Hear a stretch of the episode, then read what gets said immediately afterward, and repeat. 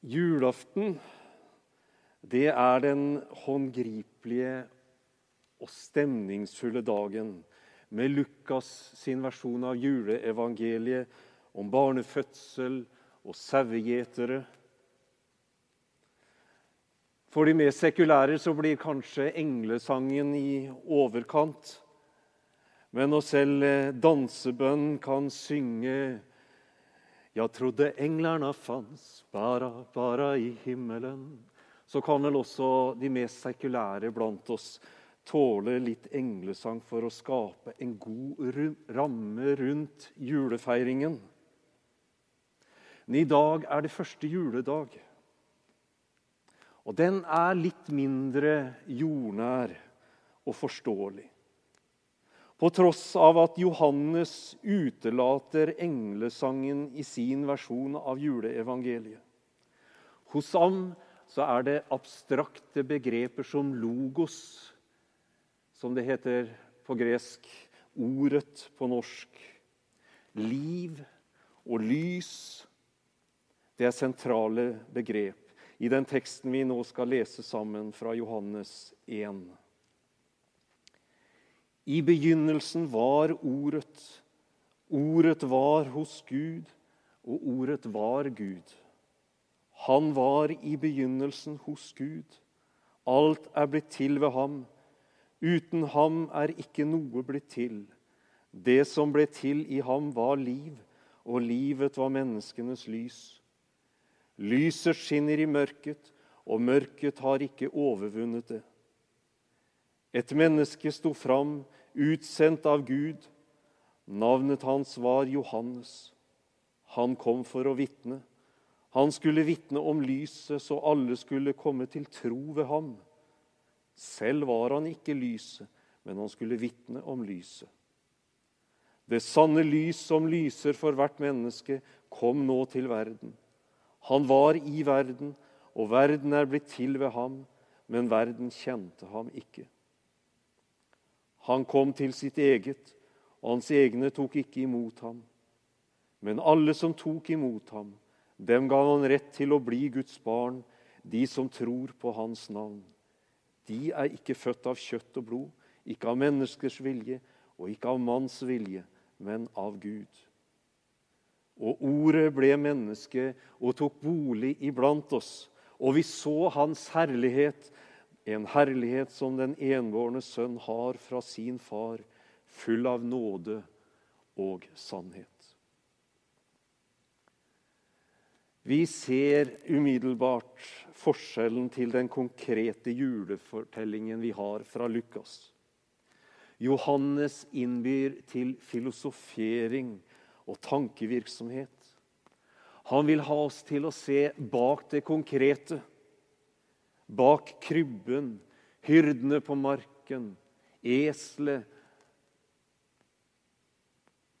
Hvem var det lille barnet? Hvor kom han fra? Johannes tar oss ikke bare med 90 år tilbake i forhold til da han levde og skrev Johannes evangeliet. Til en by i Judea men han tar oss med helt tilbake til verdens skapelse. Og før det Han løfter oss inn bak tid og rom. Bibelforskere mener at Johannes skrev sitt evangelie fra Efesos. Og her var tenkningen fra de greske filosofer vel kjent. Og for dem var Bibelen logos-begrepet sentralt. Hos noen av dem kunne det representere en bærende kraft, et bærende guddommelig mønster i tilværelsen. Men logos-begrepet ble faktisk også benyttet av noen jødiske filosofer. Og gjerne knyttet til visdommen i ordspråkene. Noen jødiske lærde kunne endog kalle Gud for logos, istedenfor Javé, som de unngikk å uttale i frykt for å misbruke det.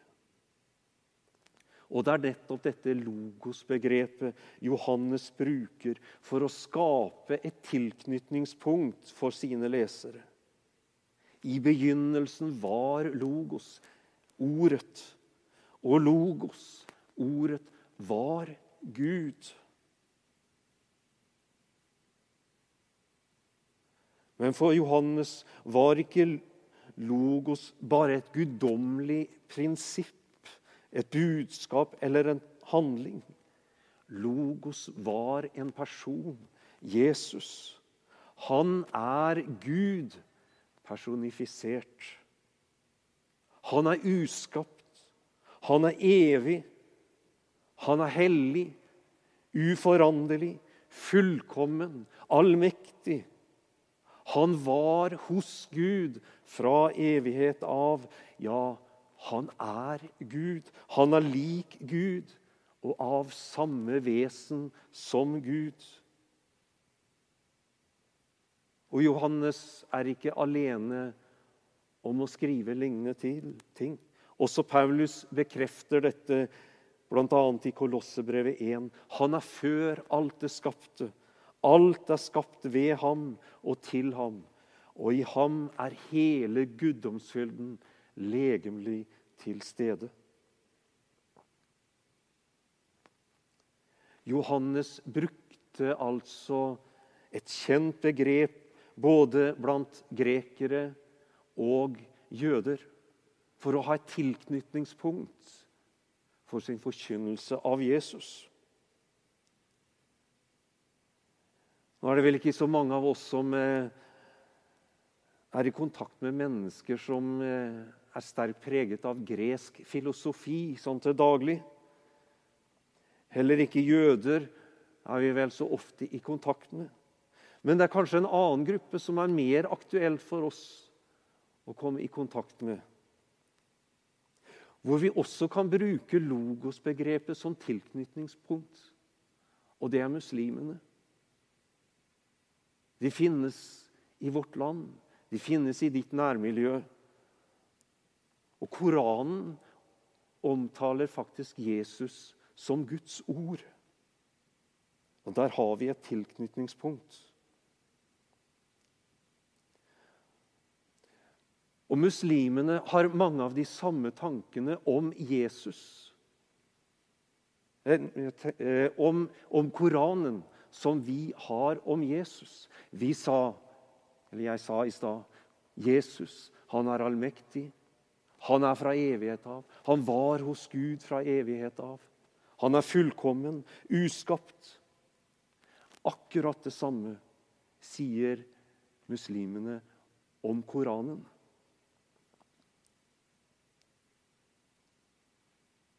Det kan hjelpe oss til å hjelpe muslimene til å forstå hva vi tenker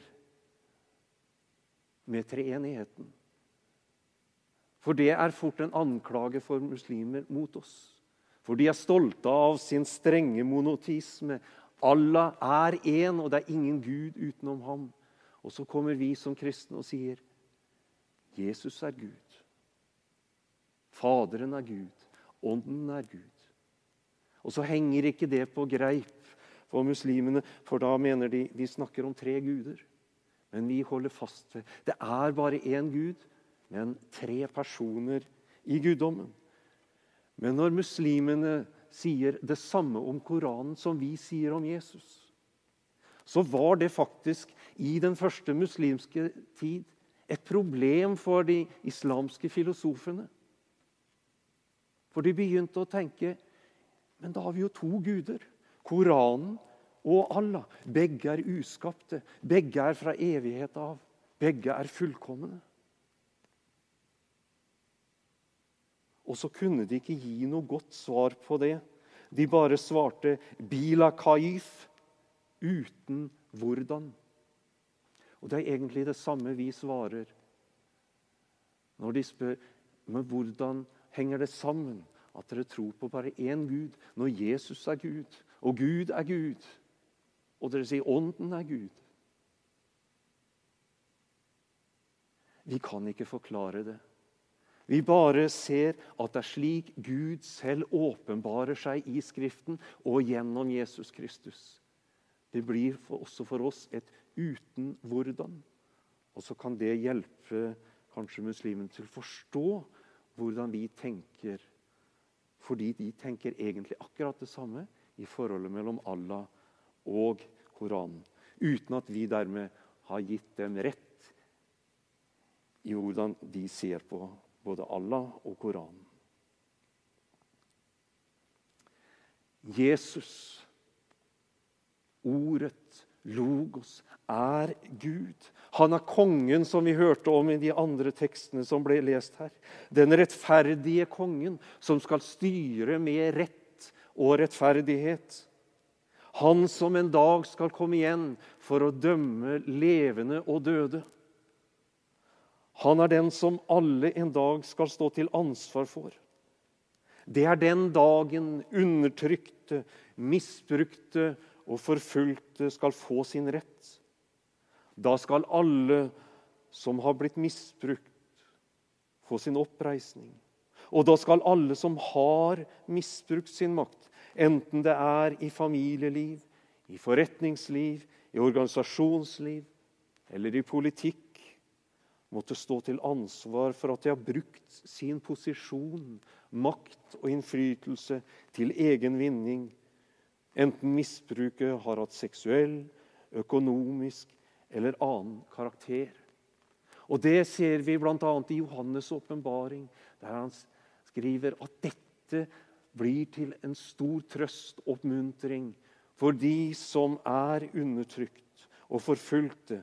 Det kommer en dag da rettferdighetens konge skal gjenopprette rett og rettferdighet på jorden.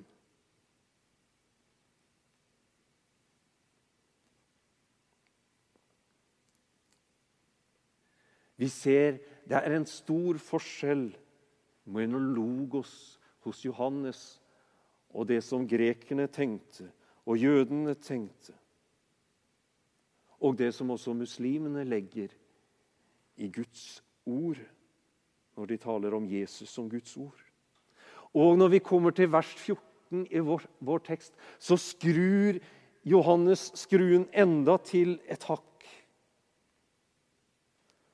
For her kommer det Ordet ble menneske.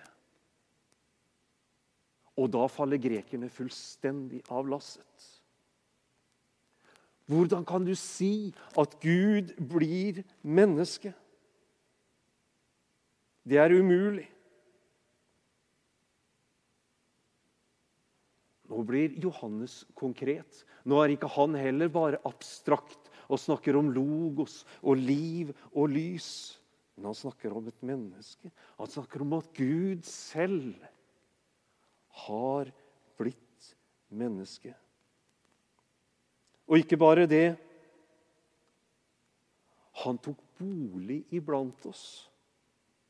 Eller som det bokstavelig står slo opp sitt telt iblant oss. Eller som en annen moderne oversettelse skriver han flyttet inn i nabolaget. Johannes innleder sitt første brev med å si det som vi har hørt, det som våre øyne har sett, og våre hender rørte ved, det forkynner vi dere. Så Johannes er også konkret. Gud blir konkret. Han blir jordnær. Han kommer oss nær i mennesket Jesus Kristus. Det som de så, det som de hørte, det som de tok på. De så Gud. Han er det fullkomne bildet av Gud. I gresk filosofi kunne aldri Gud blande seg med mennesker. Men den Gud som Bibelen forkynner, som Johannes forkynner, han åpenbarer seg i mennesket Kristus Jesus for å leve sammen med oss. Og ikke bare sammen med oss, men som oss. Han er ikke som en konge som kommer inn for å la seg tjene og for å la seg hylle. Men han sier selv, 'Jeg er kommet for selv å tjene' og gi mitt liv som løsepenge for mange. Jødene visste at Gud ville være nær dem. Moses talte til dem og sa, 'Hvilket stort folk har vel en Gud som er like nær som Herren vår Gud er nær oss, hver gang vi kaller på ham?' Men i deres bevissthet så var allikevel Guds bolig begrenset til det himmelske der oppe, eller siden her på jorden til tabernaklet og senere tempelet i Jerusalem. Men alltid bare gjennom et usynlig nærvær. Johannes forkynner vi har sett Gud med våre øyne, vi har hørt ham med våre ører, vi har tatt på ham med våre hender. Gud kommer nær som aldri før. Ja, Gud har to adresser. En i himmelen og en her på jorden hvor han kommer nær der mennesker gir ham rom. Som, Johan, som Jesaja sier det i kapittel 57.: Så sier Han som er høy og opphøyd, Han som troner evig. Den hellige er Hans navn. I det hellige og høye bor jeg. Og den andre adresse hos den som er knust og nedbøyd i ånden. Jeg vil gi ånden liv hos dem som er bøyd ned. Gi hjertet liv hos dem som er knust. I Jesus møter vi Gud, både som den opphøyde, den hellige, den allmektige, og som den nærværende og delaktige. Den som kommer nær og til deg som kjenner på håpløshet, motløshet, ensomhet. Gud gir håp. Gud gir mot. Gud gir fellesskap gjennom mennesket Jesus Kristus. Og til deg som roper på ham og synes han er så langt borte at han ikke hører han er nærmere i både tid og rom enn det du ser. Så er det kanskje allikevel ikke din erfaring der du sitter nå. Da forsøk å ta til deg Elihus ord til jobb, også når du sier at du ikke ser ham. Da ser han din sak. Bare vent på ham.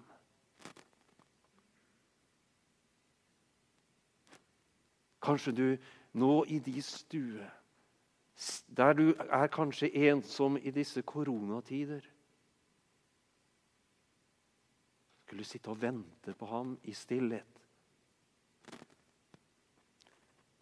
Og alle dem som tok imot ham, dem gav han rett til å bli Guds barn, de som tror på hans navn.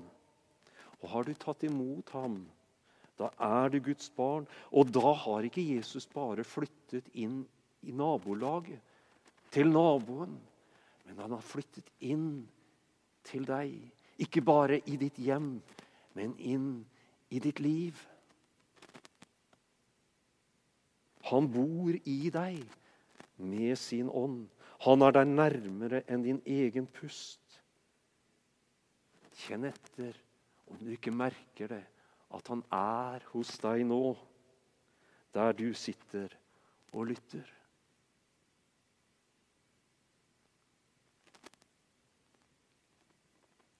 Mange kan ha vanskelig for å holde fast ved at Gud har to adresser samtidig. Både den opphøyde, hellige, rettferdige og allmektige Gud i himmelen og den nådige, kjærlige overbærende Gud med adresse hos den som er nedbøyd. Men i Jesus Kristus Gud og menneske forent, så ser vi disse to sider så tydelig åpenbart. Han er både den sterke løven av Juda og det ydmyke lammet som stilltiende bærer våre synder og våre byrder på sine skuldre. Vi så hans herlighet, en herlighet som den en enbårne sønn har fra sin far, full av nåde og sannhet. Det er to begrep som også brukes i salmene om Herren Javé. Han er full av nåde og sannhet, og nå åpenbares det i Jesus. Gud går ikke på akkord verken med nåden eller sannheten, men han er full av begge deler. Og i Jesu liv ser vi dette så godt. I møte med stolte og håmodige mennesker som tror de er bedre enn andre, så refser han dem og avslører stoltheten og hykleriet. Men de ydmyke som kjenner sine svakheter, og ikke våger å møte verken hans eller andres blikk, der kommer han med oppreisning og nåde. Johannes er alene om å fortelle den vakre historien om kvinnen som var grepet på fersk gjerning i hor. De skriftlærde og fariseerne mente hun burde steines. Og de drar henne fram for Jesus for å sette ham på prøve. Ikke for å steine henne, for de praktiserte ikke steining da. Men nå vil de sette ham på prøve. Og så ser vi hvordan Jesus forener nåden og sannheten. Han sier egentlig ja, dere har helt rett. Hun fortjener å steines. Hun har syndet. Men skal hun steines, så er det flere her som skal steines. Den av dere som er uten synd, kan begynne. Da går de bort, den ene etter de andre. De eldste først. Og så står Jesus der alene igjen med denne kvinnen og spør har ingen fordømt deg. Og hun svarer, 'Nei, ingen, Herre.' Han sier, 'Heller ikke jeg fordømmer deg. Gå bort og synd ikke mer. Og vi så hans herlighet, den herlighet som den enbårne sønn har fra sin far, full av nåde, full av sannhet. Ordet var Gud, og ordet ble menneske. Amen.